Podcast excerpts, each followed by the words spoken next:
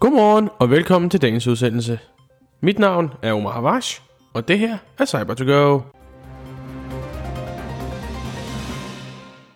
Greatness er navnet på en ny autofishing-platform, der målretter sig mod Microsoft 365 som Phishing as a Service.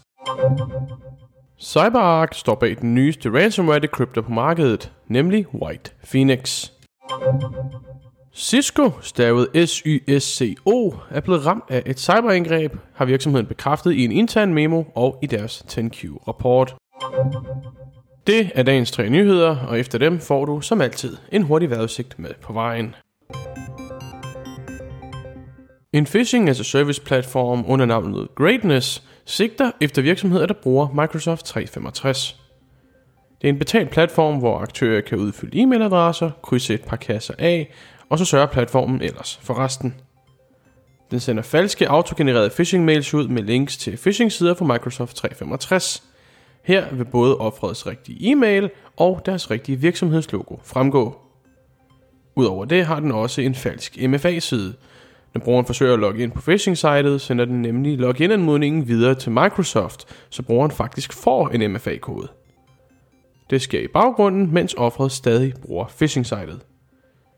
Så er meningen, at offeret indtaster MFA-koden i phishing-sitet, men kommer ind hos Microsoft. I mellemtiden får aktøren brugerens session cookie via en Telegram-bot. Og så har aktøren faktisk adgang til hele miljøet. En ny ransomware decryptor er kommet på markedet, og det er CyberArk, der står bag. Den hedder White Phoenix. Ideen bag decryptoren er, at ny ransomware som for eksempel Play eller Black Cat bruger det, man kalder intermittent encryption. Det vil sige, at den krypterer nok dele af filen til at gøre den ubrugelig, men ikke krypterer hele filen. Det er tidsbesparende for ransomwaren, og det gør, at den kan kryptere flere filer på kortere tid. Men, godt for os, betyder det, at decryptorer som White Phoenix lige præcis kan gøre brug af de ikke krypterede dele i mange filer. Det kan fx være urørte billeder i en delvist krypteret PDF-fil. Det er selvfølgelig værd at nævne, at den ikke kan dekryptere alt, og i nogle tilfælde faktisk ikke kan dekryptere noget. Det afhænger nemlig meget af, hvilke dele af filen det er, der er krypteret. Men den gør det hele automatisk, og så frem din filer allerede er delvist krypteret, er det i hvert fald et skud værd. Og så det bedste af det hele, den er gratis, og den kan findes på GitHub. Linket findes i beskrivelsen for den her udsendelse. Fødevaredistributøren Cisco, stavet S-Y-S-C-O, er blevet ramt af et cyberangreb. Det drejer sig om et angreb på virksomhedens netværk, hvor aktører så er sluppet ud med data. Det bekræftede Cisco for sine medarbejdere i en intern memo sendt inden for de sidste par dage.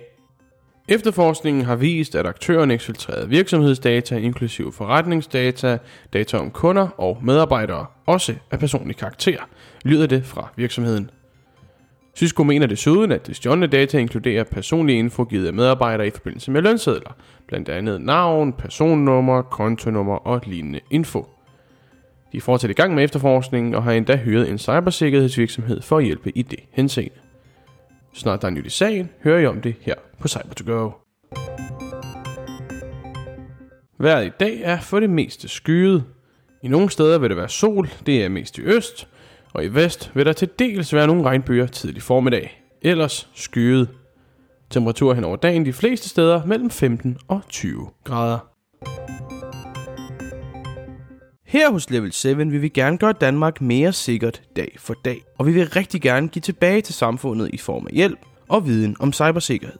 Så hvis du er en uddannelsesinstitution eller en mindre virksomhed, er vi bestemt interesseret i et samarbejde.